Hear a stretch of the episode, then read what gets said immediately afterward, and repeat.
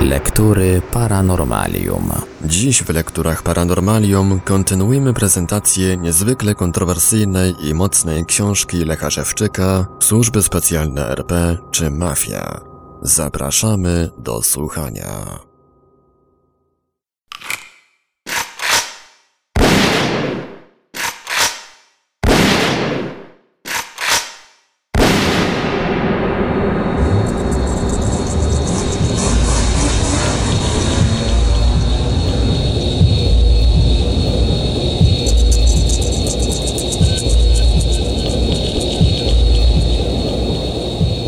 Mnie oczywiste, że jeżeli wyjadę gdziekolwiek, to na pewno będzie to miejsce, które mi wskażą. Najbardziej chciałem przenieść się do Kapsztadu, ale moi właściciele mieli inne plany. Wysłali mnie do Durbanu, portowego miasta nad Oceanem Indyjskim. Później, po pewnym czasie pobytu w Durbanie, zauważyłem, że sytuacja polityczna jest tam nieco inna, a nawet opozycyjna w stosunku do Pretorii. Zastanowiło więc mnie, dlaczego z pretorii puszczono mnie tam, tracąc przez to znacznie nade mną kontrolę na korzyść innych ludzi. Najbardziej pasowała mi do tego teoria, że zrobiono to, aby móc na większą skalę eksploatować mnie. W pretorii natomiast były najgorsze do tego warunki. Wiele też pozwalało wnioskować, że przeniesienie mnie do Durbanu stało się działaniem grupy pracowników CIA, mających duże możliwości, aby w USA zagospodarować zdobyte ze mnie łupy. Musieli jednak zrobić w tym względzie jakąś umowę, ustalając nią zasadę podziału tych łupów. Mnie jak zwykle nie wtajemniczono w cokolwiek, nie pytając też, czy się zgadzam. Z mojego rozeznania wynikało, że CIA w RPA, przynajmniej wtedy, gdy tam byłem, działała na szczególnych przywilejach. Podobnie jak za czasów PRL, KGB w Polsce. Różnica jednak polegała na tym, że RPA było w pełni krajem suwerennym od CIA, czego tamtejsze służby specjalne, zwłaszcza w prowincji Transvaal, bardzo pilnowały. Przywileje CIA wynikały z konieczności działania we wspólnym interesie. Było nim hamowanie ekspansji bloku sowieckiego w tym rejonie świata. Jednakże w prowincji Natal, której stolicą jest Durban, przywileje dla CIA wykraczały poza ten układ, przez co mogli działać jeszcze bardziej swobodnie. Było tak, ponieważ kierownictwo tamtejszych służb specjalnych szukało dogodnej sytuacji, aby odłączyć prowincję Natal od reszty RPA i utworzyć z niej osobne państwo. Szukali więc poparcia, które innymi spodziewali się uzyskać od CIA. Dla zrealizowania tych planów chcieli głównie posłużyć się czarną ludnością Natalu, obiecując im w nowym państwie lepsze życie. Z tego jednak, co mi wiadomo, wynika, że lepiej będzie, jak murzyni w Natalu znajdą sobie inną drogę do wolności. Podane informacje nie są już tajemnicą z uwagi na ostatnie przemiany zachodzące w RPA. Ponadto przestały być tajemnicą również dlatego, bo pracownicy służb specjalnych RP po wyciągnięciu ich ode mnie w hipnozie sprzedali je każdemu, kto chciał za nie zapłacić. Przyznam, że po dziewięciu latach od czasu powrotu z RPA do Polski, nie będąc już u źródeł, nie mam tak dobrego rozeznania w sytuacji politycznej RPA. Wciąż jednak uważam, że kraj ten rozpadnie się na kilka nieprzyjaznych sobie państw.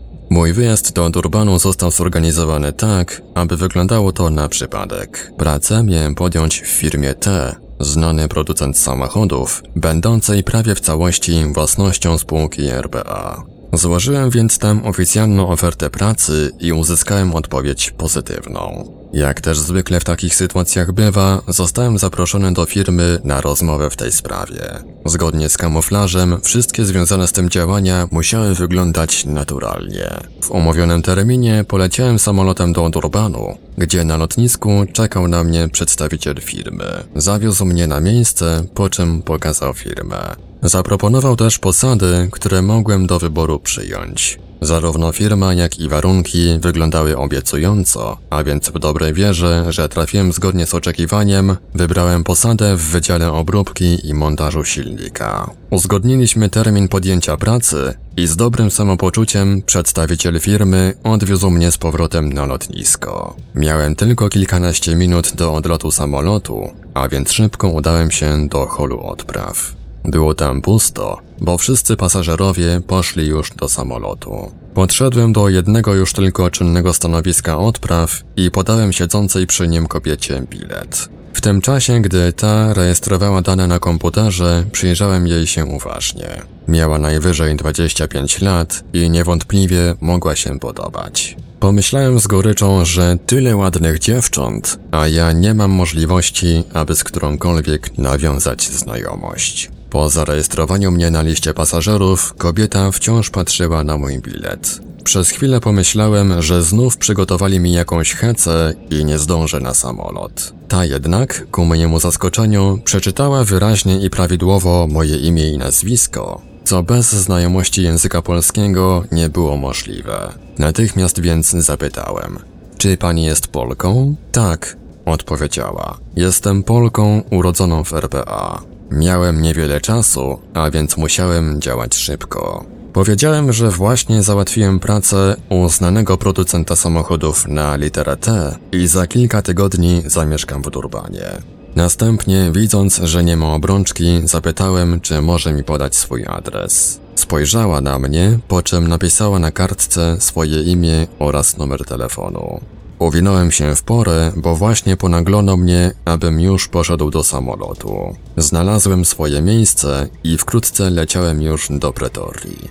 Wydawało mi się, że miałem dobry dzień. Przecież po roku starań tak łatwo poznałem sympatyczną kobietę, a na dodatek Polkę i nawet ładną. Czułem, jakby uśmiechnęło się do mnie szczęście.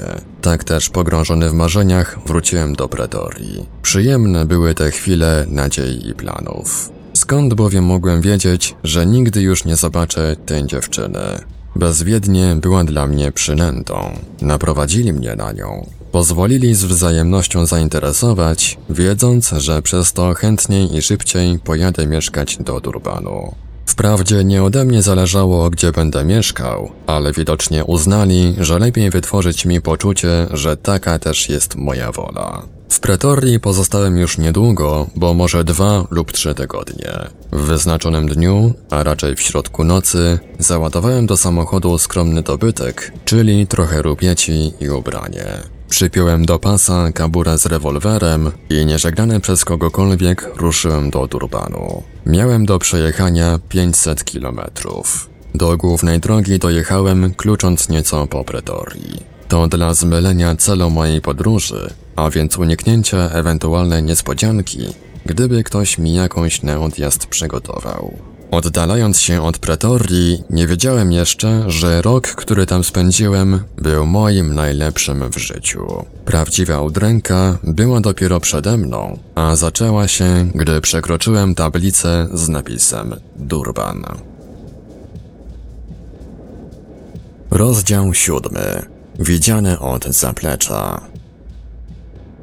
Zakłady Znajdują się w odległości 50 km od Durbanu, w miejscowości Isipingo Beach. Dojazd samochodem trzypasmową autostradą zabierał najwyżej 30 minut, a więc nie ma to znaczenia. Zwykle w dużych miastach Europy dojazd do pracy znacznie bliżej jest dużo bardziej uciążliwy. Jadąc z Pretorii planowałem być tam rano, przed godziną ósmą, aby zgodnie z ustaleniami podjąć w tym dniu pracę. Jednakże, gdy byłem już w Durbanie, poczułem sztuczne oszołomienie, także z trudem znalazłem wylot na autostradę do Isipingo Beach. Pytani o drogę ludzie podawali sprzeczne kierunki, tak, że kręciłem się w koło. Zanim więc dojechałem do firmy, była już godzina dziewiąta i prawdopodobnie następnego dnia.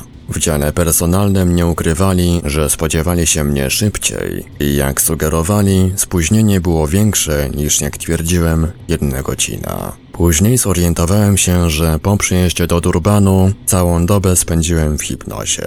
Przejęli mnie, gdy zatrzymałem się na poboczu przed Durbanem. Wprost nie mogli się tam mnie doczekać. Bez kłopotu jednak w firmie uzgodniłem z personalnym, że w tym dniu załatwię tylko papierkowe formalności, a pracę podejmę następnego dnia. Trwało to najwyżej godzinę, po czym z adresem zakwaterowania udałem się do Turbanu. Zgodnie bowiem z umową, na pierwszy miesiąc pobytu firma wynajęła mi pokój w hotelu Seaview. Tam też w pierwszej kolejności postanowiłem się udać. Znałem rejon położenia hotelu, ale znów jakby pozbawiony orientacji nie mogłem go znaleźć. W pewnym momencie wjechałem w bezludne rejony przyportowych magazynów. Trudno tam było spotkać kogokolwiek, aby zapytać o drogę. Po chwili jednak przy jednym z otwartych magazynów zauważyłem grupę mężczyzn. Wyglądało, że grają w jakąś grę. Zatrzymałem samochód z drugiej strony ulicy i podszedłem do nich. Gdy byłem już blisko, zauważyłem, że ludzie ci wyglądają na takich, których lepiej omijać. Podszedłem jednak do nich i zapytałem, czy wiedzą, gdzie jest szukany przeze mnie hotel. W pierwszej chwili byli jakby zmieszani moim śmiałym podejściem, a nawet próbowali się rozejść. Gdy jednak zrozumieli, że jestem obcy, sam, może turystom pytającym o hotel, twarze zaczęły im się ożywiać. Zaszli mnie od strony ulicy i coraz śmielej wpychali do magazynu. Wyglądałem im na łatwą zdobycz, bo cóż znaczy dla kilku ludzi szczupły, wyglądający na niewiele ponad 30 lat człowiek. Byłem już wzburzony zabawą w kręcenie się po mieście. Łatwo więc mogłem zareagować na prowokacyjne zachowanie. Zgodnie jednak z zasadami postanowiłem wycofać się i uderzyć dopiero, gdy będzie to konieczne. Ponadto bójka z kilkoma ludźmi mogła chwilę potrwać, a chciałem jak najszybciej dotrzeć do hotelu. Również obawiałem się, że uszkodzą mi samochód i hotelu będę szukał pieszo. Wszedłem więc w lukę między dwóch niedoszłych napastników, rozpychając ich stanowczo. Po przedarciu się przez nich zaskoczonych, poszedłem do samochodu. Gdy odjeżdżałem, wciąż stali przy magazynie, żywo kłócąc się. Może ustalali, kto zawinił, że nie udało się wepchnąć mnie do magazynu. Biorąc pod uwagę podane oraz inne fakty, mogę przypuszczać, że scena ta miała bardziej rozbudowany przebieg niż podałem. Ktoś przecież tam mnie naprowadził i na pewno miał w tym jakiś cel. Przypuszczam, że jednak odbyła się tam bójka, ale byłem na ten czas wprowadzony w hipnozę. Przeprowadzali mi takie ćwiczenia często, ale w hipnozie. Chcieli w ten sposób ukryć przede mną moje możliwości, abym nie czuł się zbyt pewny. Wróciłem w pobliże centrum i wkrótce znalazłem szukany hotel. Był to kilkunastopiętrowy, położony w pobliżu wybrzeża, dobrego standardu hotel. Przygotowany dla mnie pokój był chyba na siódmym piętrze. Zdziwiła mnie rozrzutność firmy, gdyż pokój był dwuosobowy, a opłata za jego wynajęcie równała się mojej miesięcznej pensji. Szybko jednak dowiedziałem się, dlaczego wynajęto mi większy niż potrzeba pokój. Wciąż bowiem przybywało w nim dużo gości, zwłaszcza w nocy, a więc musieli mieć się gdzie pomieścić. Pierwszych gości miałem w tym samym dniu, krótko po zajęciu pokoju, i już nie było temu końca. Niektórzy, ci z wywiadu, spodziewali się mojego przyjazdu, bo byłem im przekazany w dyspozycję z nieznanymi mi wówczas zaleceniami. Inni natomiast dowiedzieli się pewnych szczegółów na mój temat ze swoich źródeł i też chcieli wszystko w tej sprawie wiedzieć. Przychodzili więc z różnych służb specjalnych, cywilnych i wojskowych. Niektórzy stanowczo, służbowym, groźnym tonem zasypywali mnie gradem pytań. Często czułem się przez to jak szpieg, terrorysta, którego obecność trzeba tolerować. Zrozumiałem więc, że nie dla wszystkich jestem tam mile widziany. Głównie chcieli nakłonić mnie, abym zgodził się ponownie odtworzyć swój życiorys w hipnozie. Ponieważ odmówiłem, robili to podstępnie, począwszy już od pierwszej nocy mojego pobytu w tym hotelu. Przede wszystkim, przesłuchując mnie w hipnozie, dowiedzieli się, że w pewnym sensie mogłem być w dyspozycji CIA. To też spowodowało, że niektórzy traktowali mnie z niechęcią, jak szpiega, ale na moje szczęście zaprzyjaźnionego kraju. Nikt przy tym nie chciał zrozumieć, nie obchodziło go, że moim losem handlują różni ludzie, nigdy nie pytając mnie o zdanie. Tak więc już następnego dnia rano obudziłem się z charakterystycznym pohipnotycznym bólem głowy, zwykle nazywanym w Polsce migreną. Krótko potem zauważyłem, że w nocy wiele się zdarzyło. Z szafy wydobywał się odór wyschniętych już sików, a w całym pokoju czuć było szczurem. Gdy wszedłem do łazienki, na wypranej wieczorem koszuli siedział karaluch, chyba największy jakiego mieli w swojej hodowli robactwa. Miał przynajmniej 4 cm długości i ponad centymetr szerokości. W pierwszej chwili pomyślałem, że to jakiś mały nietoperz. Pierwszy raz widziałem ten rodzaj karalucha, a więc zbliżyłem się ostrożnie. Był częściowo obezwładniony jakimś środkiem, bo trącony lekko nie uciekał. Zebrałem więc go na kartkę papieru i wyrzuciłem przez okno. Był to pewien znak mówiący właśnie, że utożsamiono mnie z CIA. Po kilku dniach znów znalazłem podobnego. Po obudzeniu rano poczułem lekkie swęcenie na dłoni, jakby coś na niej się działo. Wyczulony, aby w takich przypadkach nie wykonywać gwałtownych ruchów, bo mógł to być skorpion lub czarna wdowa, spojrzałem ostrożnie na dłoń. Siedział na niej wielki karaluch. Wiedziałem już, że nie jest groźny, a więc strzepnąłem go na podłogę. Był również czymś otępiony, bo ledwo się ruszał. Zauważyłem przy tym, że na dłoni, w miejscu gdzie siedział, pozostało przyciemnienie na skórze. Mógł więc być napromieniowany lub nasączony jakimś środkiem chemicznym. Jak uprzednio wyrzuciłem go przez okno i dokładniej niż zwykle umyłem ręce. Karaluchy tego rodzaju spotykało się w RPA tylko w tropikalnym klimacie Durbanu. Były tam też i wszystkie inne. W Pretorii trafiały się tylko małe, takie, które znane są w Polsce. Te duże również są bardzo zwinne. Nie dają się złapać. Szybko uciekają, gdy chce się do nich zbliżyć.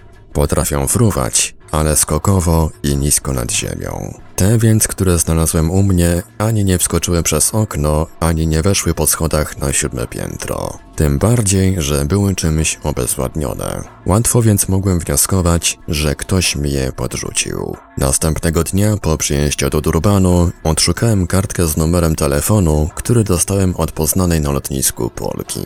Dzwoniłem dwa razy, ale ponoć jej nie było. Zorientowałem się przy tym, że mieszka w pensjonacie dla młodych kobiet. Wynajmowała tam pokój. Później, w ciągu dwóch tygodni, dzwoniłem w różnych porach przynajmniej 20 razy i wciąż w recepcji ta sama odpowiedź. Nie ma jej. Aż za dużo, abym zrozumiał, kto za tym stoi. Wiedziałem więc, że nawet gdy zadzwonię i tysiąc razy, to też nigdy jej nie będzie. Trudno przecież uwierzyć, że kobieta ta nie miała odwagi podejść do telefonu i powiedzieć, że nie chce, abym do niej dzwonił. Przez następne dwa tygodnie zadzwoniłem więc już tylko sporadycznie kilka razy i zrezygnowałem. Nasunęły mi się przy tym pewne podejrzenia odnośnie tego pensjonatu. Zwłaszcza po kilku miesiącach, gdy poznałem dodatkowe fakty. Chciałem to sprawdzić, ale ci, którzy mną dysponowali, nie pozwolili. Miałem nie wtrącać się do czegokolwiek. Wiele bowiem wskazywało, że w pensjonacie tym jakaś grupa służb specjalnych wprowadza podstępnie zamieszkałe tam kobiety w hipnozę i prowadzi tam publiczny, zabroniony w RPA interes. Mniej więcej po dwóch tygodniach pobytu w Durbanie, gdy wiedziałem już, że nie pozwolą mi spotkać się z poznaną Polką, wyszedłem wieczorem na spacer. Szukałem jakiejś dyskoteki, aby ewentualnie tam kogoś poznać. Już w pobliżu hotelu usłyszałem dźwięki muzyki, więc udałem się w to miejsce. Usiadłem jak zwykle przy barze, zamówiłem drinka i dyskretnie rozeznałem sytuację. Uwagę moją zwróciły dwie kobiety, siedzące same przy stoliku. Zauważyłem, że nie miały zbyt dużego wzięcia, a więc do nich zdecydowałem uderzyć. Z wyglądu mogły mieć 25 i 40 lat. Zabrałem swojego drinka i stopniowo przybliżałem się do nich. Zapytałem, czy mogę się dosiąść. Zgodziły się. Zainteresowałem się jedną z nich i po krótkiej rozmowie poszliśmy tańczyć. Było to wbrew zaleceniom. Miałem unikać tańców. W trakcie bowiem łatwo ujawnić pewne cechy osobowe, a także można zostać sprowokowanym do udziału w awanturze. Postanowiłem jednak zrobić wyjątek, aby wypaść naturalnie. Sytuacja przybierała korzystny obrót, bo kobieta zdawała się akceptować moje towarzystwo. Nawet ustaliliśmy, że odwiozę ją do domu. Po chwili jednak przypomniała mi się rzeczywistość. Z niepokojem pomyślałem, że to się nie może udać i zaraz będzie jakaś heca. Tak też się stało. W pewnym momencie poznana kobieta wydała się czymś zaintrygowana, wzburzona. Zaczęła bardziej dociekliwie pytać, kim jestem, a odpowiedzi jakby nie zadowalały jej. Coś jej się nie zgadzało. W jej przekonaniu było we mnie coś więcej niż tylko emigrant z Polski. Z sytuacji wynikało, że ktoś się przestraszył lub nakazał zrezygnować ze znajomości ze mną. Dało się jednak zauważyć, że nie chciała się do tego nakazu przystosować. Kryjąc się przed kimś, pod stolikiem podała mi kartkę z napisanym swoim adresem. Powiedziała przy tym dyskretnie, że nie może ze mną wyjść, ale mogę w dowolnym dniu odwiedzić ją pod podanym adresem. Zaraz po tym obie kobiety wyszły. Dla mnie to nic nowego, ale nurtowała mnie kartka z adresem.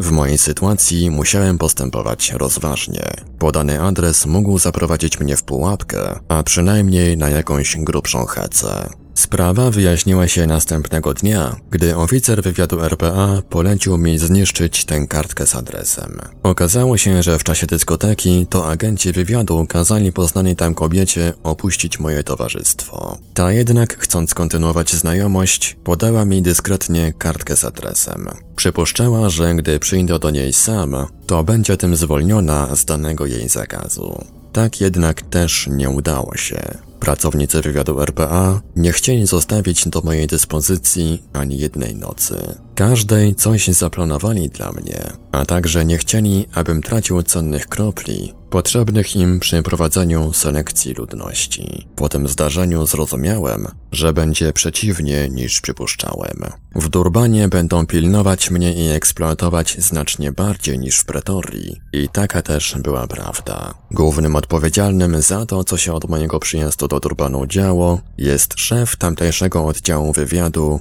D. W firmie zatrudniono, a właściwie przydzielono mnie na Wydział Obróbki i Montażu Silnika. Oficjalnie miałem zajmować się eksploatacją narzędzi i pomocy warsztatowych. Miałem tam swoich przełożonych i wiedziałem, co mam robić. Z pewnych powodów zabronione jednak było dać mi cokolwiek do pracy. Wykonywali ją za mnie współpracownik oraz bezpośredni przełożony. Mogli mieć za to do mnie pretensje, ale nigdy tego nie wykazali. Widocznie rozumieli, że nie jest to moja wina. Tym razem wiedziałem już, że celowo nie dają mi zatrudnienia, a więc nie czułem się niepotrzebny. Starałem się tym nie przejmować i jakoś przetrwać bez zajęcia do końca zmiany. Całodzienne wałęsanie się po wydziale i firmie, bez przedziału pracy, było jednak uciążliwe, bo jednak musiałem chociaż udawać, że pracuję. W rzeczywistości więc nie było to ulgowe traktowanie, lecz nałożenie mi każdego dnia wiele godzin udręki. W takiej sytuacji czas postanowiłem wykorzystać na pogłębienie znajomości języka angielskiego. Musiałem jednak przestać, bo natychmiast D kazał otępiać mnie odpowiednio nałożonym programem.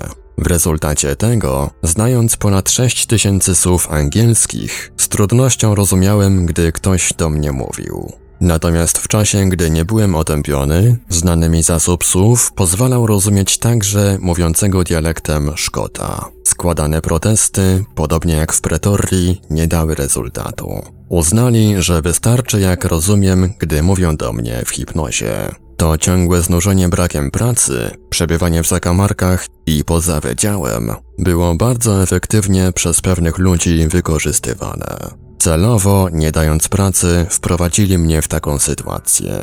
W ten bowiem sposób stworzyli warunki, aby w dowolnej chwili, bez zwrócenia czyjejkolwiek uwagi, mogli wprowadzać mnie w hipnozę. Wtedy to dopiero odbywała się moja właściwa praca, a zyski z niej były znacznie większe, niż to wynikało z pensji, którą oficjalnie mi płacili. To więc tylko pozornie wyglądało, że płacą mi za kręcenie się po firmie. Zauważyłem też, że wszystko, co dotyczyło mnie i działo się wokół, było pod kontrolą i ustawione. Tak jakby na dzień wcześniej ktoś opracowywał dla mnie fotografię dnia. Na pozór wyglądało to naturalnie, ale czuć było teatrem. W firmie tej poznałem wielu ludzi, przy czym wszyscy, przynajmniej oficjalnie, zachowywali się wobec mnie przyjaźnie, uprzejmie. Była to sprzyjająca dla mnie okoliczność, pozwalająca łatwiej znosić nasilającą się udrękę. Mimo tej, zdawałoby się, dobrej dla mnie sytuacji, to jednak nie udało mi się, a raczej nie pozwolono mi włączyć się w jakieś towarzystwo. Zgodnie z planem chcieli, abym zawsze był sam, nie miał rodziny ani przyjaciół. Ludzie ci, jak prawie wszyscy biali obywatele RPA, byli agentami różnych służb specjalnych i państwowych. Firma, w której umieszczono mnie, była szczególnie dobrze chroniona przez te służby. Jest to jednak inny typ agentów w odniesieniu do tych, z którymi mamy do czynienia w Polsce. Ci w Polsce, wyszukiwani wśród psychopatów, ludzi z niskim morale, nigdy nie będą chronić społeczeństwa i Polski. Ten typ ludzi nadaje się tylko do prowadzenia działalności mafijnej i tym właśnie służby specjalne w Polsce zajmują się zwłaszcza z nastaniem RP. Wiadomo też, że wielu współpracowników służby te zwerbowały szantażem za zaniechanie ścigania przestępstw kryminalnych i obyczajowych. W rezultacie takiej struktury służb specjalnych RP ci etatowi zajmujący się prowadzeniem działalności mafijnej chowają się przed społeczeństwem.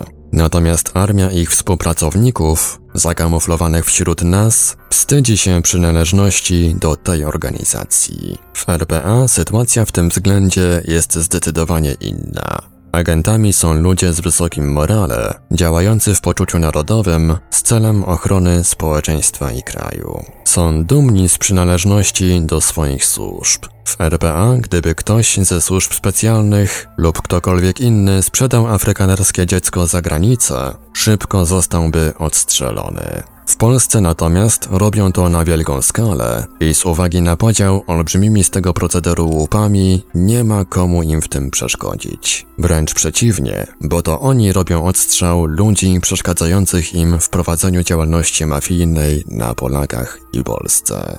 Wielu agentów RPA zatrudnionych w tej firmie wykonywało w związku ze mną różne zadania. Pokazali mi pewne sytuacje, elementy wyglądu, ubioru, zachowania, które powinien znać agent, aby nie dał się czymkolwiek zaskoczyć lub skompromitować. Po jednych elementach szkolenia przychodziły następne. Zadziwiało mnie, że jest tego aż tak dużo do poznania, bo już dawno wydawało mi się, że znam wszystko, co w tych sprawach możliwe. Ustawili też pewne zakłócenia w procesie technologicznym i wtedy zwracali się, abym je usunął. Były to testy celem sprawdzenia, w jaki sposób, jak szybko i z jakim rezultatem rozwiążę różnego stopnia trudności, problemy. Robili mi też testy na refleks, poszanowanie dysponowanym mieniem oraz na sprawność intelektualną. W tym czasie sprawdzono mi też sposób zachowania i odporności na szantaż. Ponadto w firmie tej agenci pokazali mi miejsca,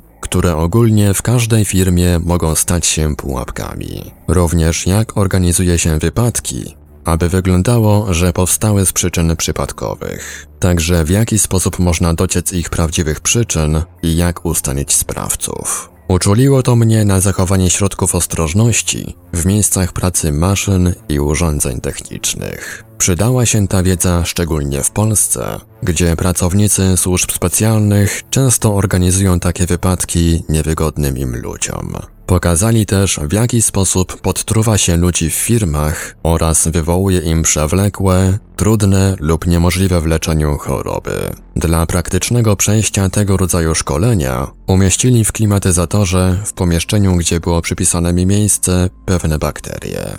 W tym przypadku działanie ich polegało na stopniowym zwężaniu przełyku i blokady przewodu pokarmowego i oddechowego. Zewnętrznie wyglądało to na lekkie przeziębienie. Tym celu można też umieścić w pobliżu ofiary innego rodzaju bakterie lub źródła szkodliwych energii, np. promieniowanie radioaktywne. Były więc w tym wszystkim i dobre elementy, które dały mi szansę przetrwać znacznie gorsze czasy. Zacząłem jednak tracić rozeznanie, czy testy oraz inne działania prowadzą celem szkolenia, czy aby zmylić i odwrócić moją uwagę od nasilających się innych spraw, przynoszących pewnym ludziom olbrzymie zyski.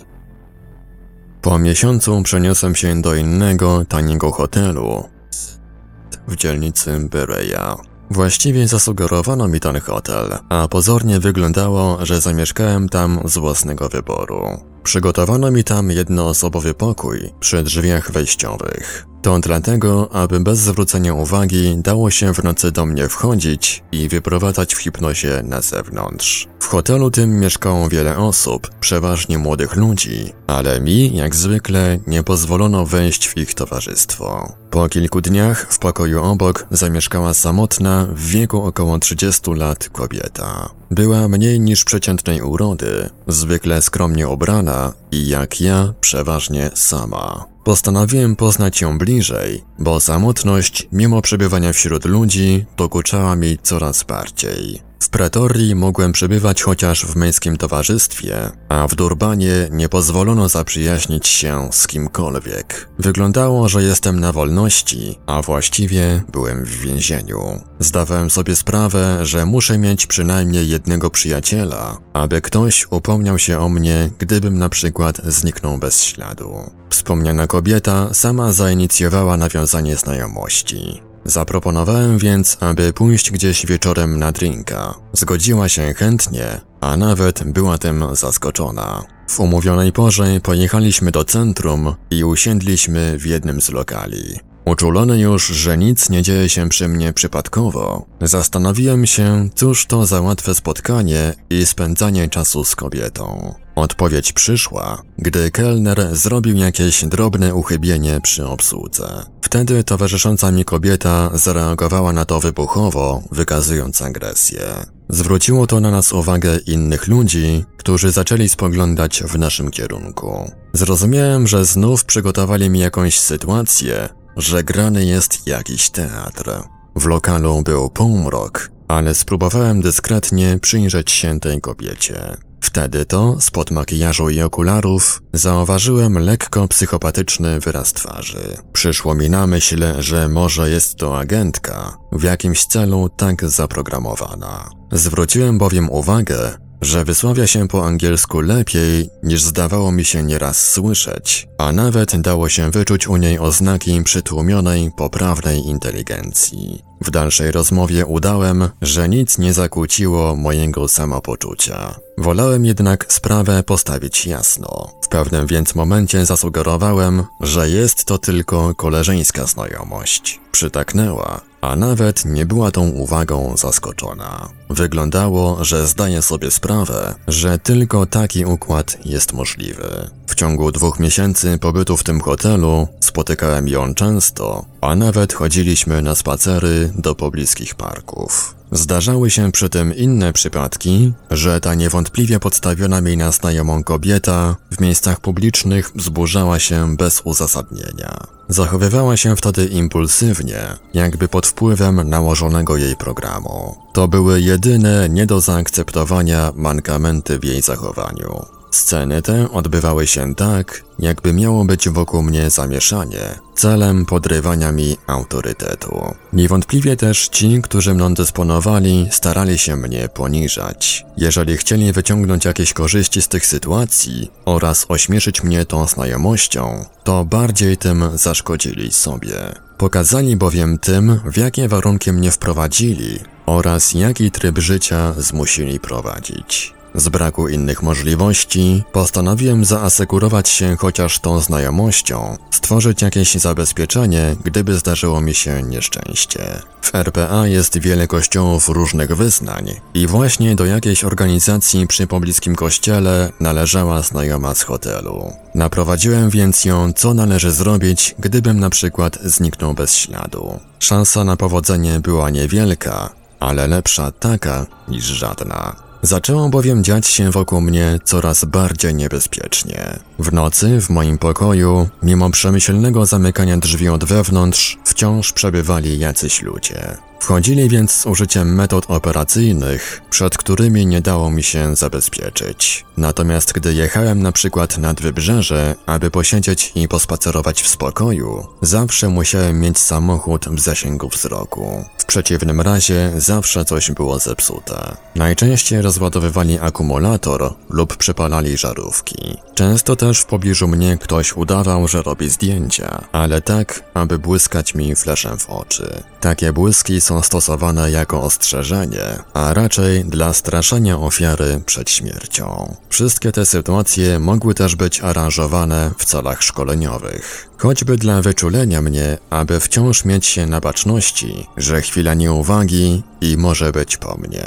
Błyskanie fleszem w oczy zaczęło mnie jednak denerwować i postanowiłem przy następnym błysku złapać sprawcę. Ponadto wyciągnąć z niego kto go nasłał, a przynajmniej zepsuć mu aparat. Uprzednio zasięgnąłem informacji, że w RPA nie wolno robić bez zgody fotografowanego zdjęć. Niedługo, przechodząc wieczorem obok pobliskiego hotelu, z krzaków błysnął flesz. Doskoczyłem tam szybko i zobaczyłem dwóch zmieszanych murzynów. Szarpnąłem tego, który stał w miejscu, z którego błysnął flesz. Próbowałem wypatrzeć, gdzie ma aparat, ale nie znalazłem.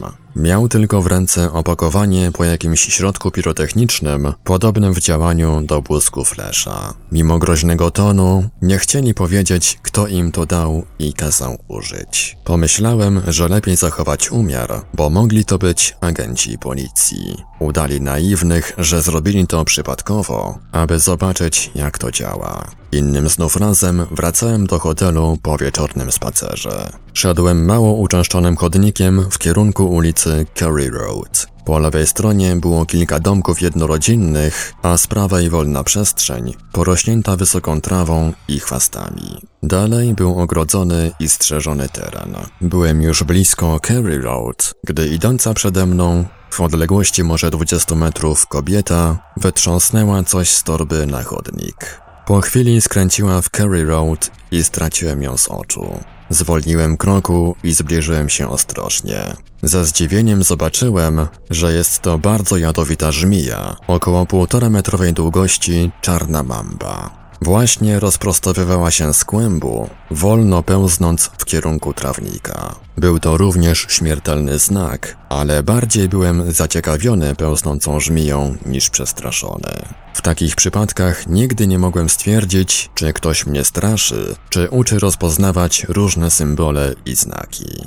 Reagowałem więc spokojnie, nigdy nie wpadając w panikę. Mamba nie chciała atakować, bo wtedy zachowywałaby się inaczej. Wiedziałem to ze szkolenia, a więc spokojnie mogłem jej się przyglądać. Kilkanaście metrów za mną szła jakaś kobieta. Zwróciłem więc uwagę, aby zachowała ostrożność. Nastąpienie na żmiję niewątpliwie zakończyłoby się ukąszeniem. Kobieta przystanęła i również zdumiona zaczęła komentować, jak to możliwe, że czarna mamba spaceruje spokojnie po chodniku. Po chwili całkowicie czarnego koloru żmija zniknęła w trawniku. Szukanie jej tam było ryzykowne, a więc scenę można było uznać za zakończoną. W pobliżu hotelu w odległości może 100 metrów, na prostopadłej ulicy był następny hotel. Nazywał się Hotel. Był to w dużo lepszym niż Sandhurst standardzie hotel, z barami, restauracją, salą występową i dużym tarasem.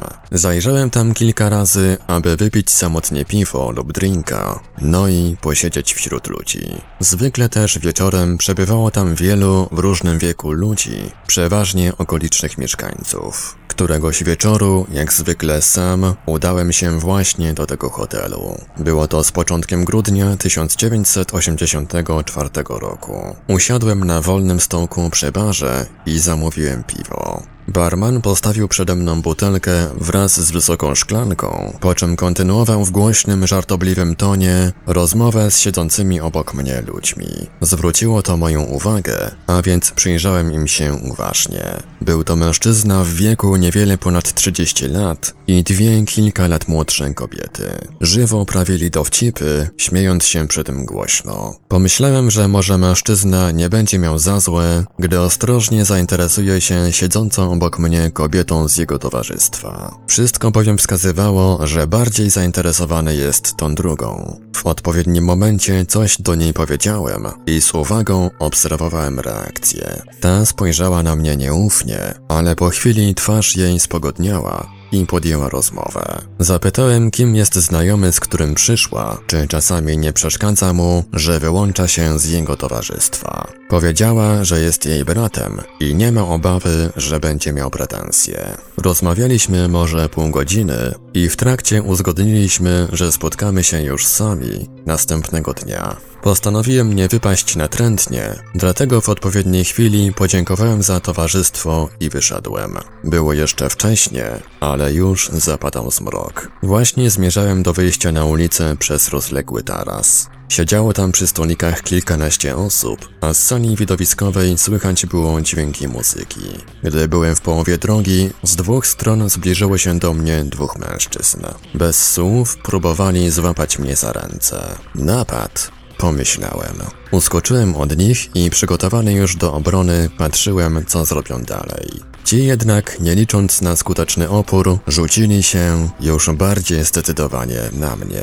Kilka wyćwiczonych manipulacji rękoma oraz tułowiem i znów byłem wolny. Zaczęło mnie to jednak irytować i zdecydowałem, że przy następnym ataku przyłożę któremuś. Nagle zobaczyłem, że jest ich więcej i już mniej pewnie, ale wciąż próbują wydostać mnie z za stolika. Szkoliłem się w fechtowaniu różnymi przedmiotami, tak aby umieć bronić się tym, co jest pod ręką. Uznałem przeto, że skoro jest ich kilku, to mogę czymś sobie pomóc. W zasięgu ręki był stolik i krzesła. Chwyciłem za nogę od stolika, próbując ją wyrwać. Była jednak połączona z pozostałymi i nie udało się. Wziąłem więc krzesło. W tym momencie usłyszałem czyjś głos nakazujący nie niszczyć mebli. Odstawiłem więc krzesło z powrotem na miejsce. Wyjąłem za to z kieszeni pojemnik z gazem. Był to któryś z gazów bojowych, bardzo skuteczny w obronie. Napastnicy cofnęli się nieco zdezorientowani. W tej samej chwili doszedł do nich policjant w mundurze. Wtedy dotarło do mnie, że napastnikami są policjanci. Mundurowy przejął inicjatywę i zaczął nakłaniać mnie, abym zaniechał oporu i poddał się. Co tu się dzieje? Pomyślałem. Dlaczego podchodząc do mnie nie powiedzieli, że są policjantami, lecz po prostu napadli na mnie? Zdecydowałem, że nie dam się wziąć, lecz spróbuję uciec. Objąłem dokładnie pojemnik z gazem, aby nie udało się ustalić, co trzymam. Do policjantów natomiast powiedziałem, że jak chcą mnie gdzieś zabrać, to muszą najpierw złapać. Zauważyłem, że zdezorientowani są przedmiotem, który trzymam w ręce.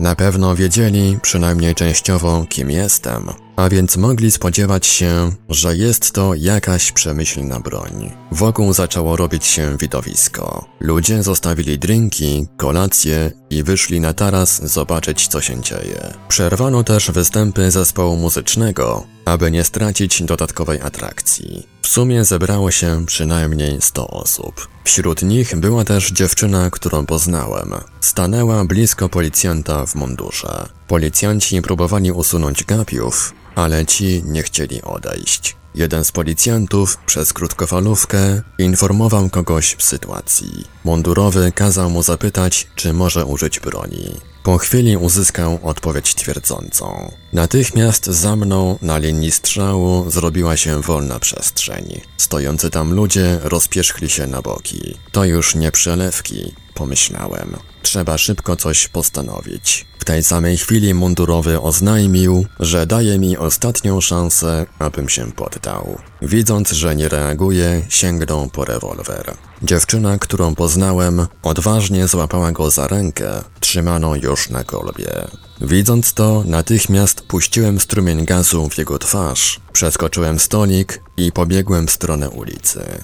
Policjant jęknął głośno, puścił rewolwer i dłońmi przykrył twarz. Dla niego akcja ta była już zakończona. Manewr ten Gapowicze potraktowali głośnymi owacjami. Ze zdziwieniem wywnioskowałem po tym, że kibicują za mną. Jeden z policjantów wybiegł z grupy i był już blisko mnie. Chciałem zatrzymać go gazem, ale nie udało się. Długi strumień poszedł w bok, jakby coś niewidzialnego zmieniło jego kierunek. Pojemnik był już pusty. Szybko odrzuciłem go i ten ze stukiem potoczył się po betonowej posadzce. Nagle poczułem zaplątanie w nogach i przewróciłem się. Było to już kilka metrów od wyjścia w murze ogrodzeniowym na ulicę. Podniosłem się szybko, ale policjanci już dopadli mnie. Zaczęła się bitwa. Kibice oklaskami dopingowali mnie do walki. Dla nich była to zabawa, ale mnie przez to wprowadzali w jeszcze większe kłopoty.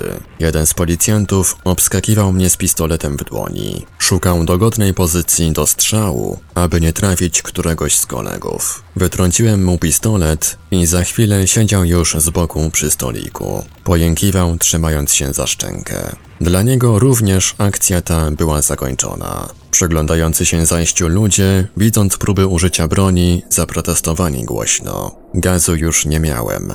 Wiedzieli przecież, że odrzuciłem pojemnik. Powodów więc ku temu nie było. Policjanci uderzali na mnie z różnych stron, ale wciąż się uwalniałem. Starałem się tylko bronić, aby nie prowokować do podjęcia bardziej radykalnych środków. Wciąż chciałem uciec. Jednego jednak uderzyłem zbyt mocno, bo trzymał się za klatkę piersiową i kręcił w koło schylony.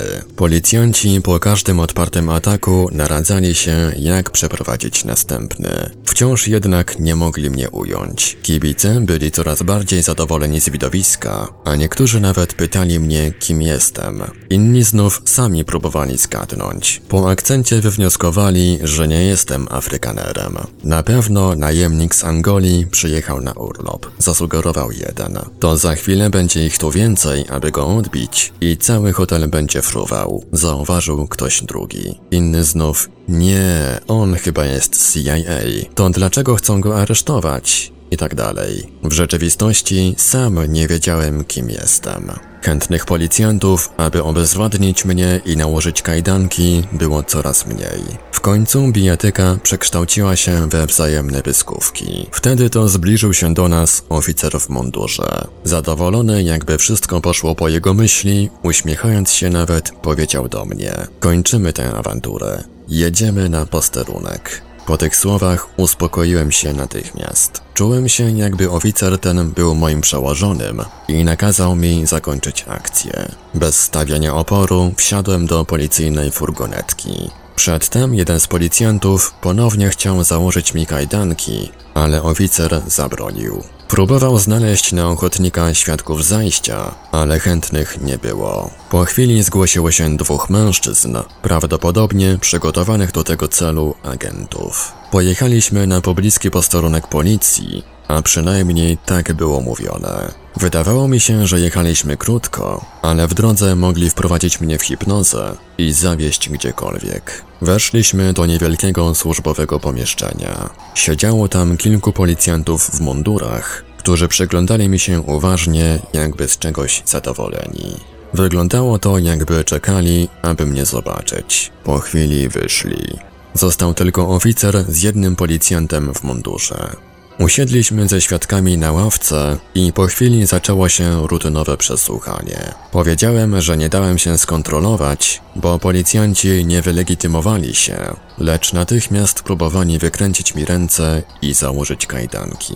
Bardziej więc ich postępowanie wyglądało na napad, usiłowanie porwania, niż na kontrolę czy interwencję policji. Oficer wiedział przecież, kim jestem. Musiał więc rozumieć, że skompromitowałbym się na zawsze, gdybym pozwolił każdemu, kto zechce, założyć kajdanki. Widać, że podobało mu się takie wyjaśnienie, a nawet zasugerował mi odpowiedzi na inne pytania. Świadkowie też mówili zgodnie, że tylko broniłem się. Bardziej zbijałem ciosy niż je zadawałem.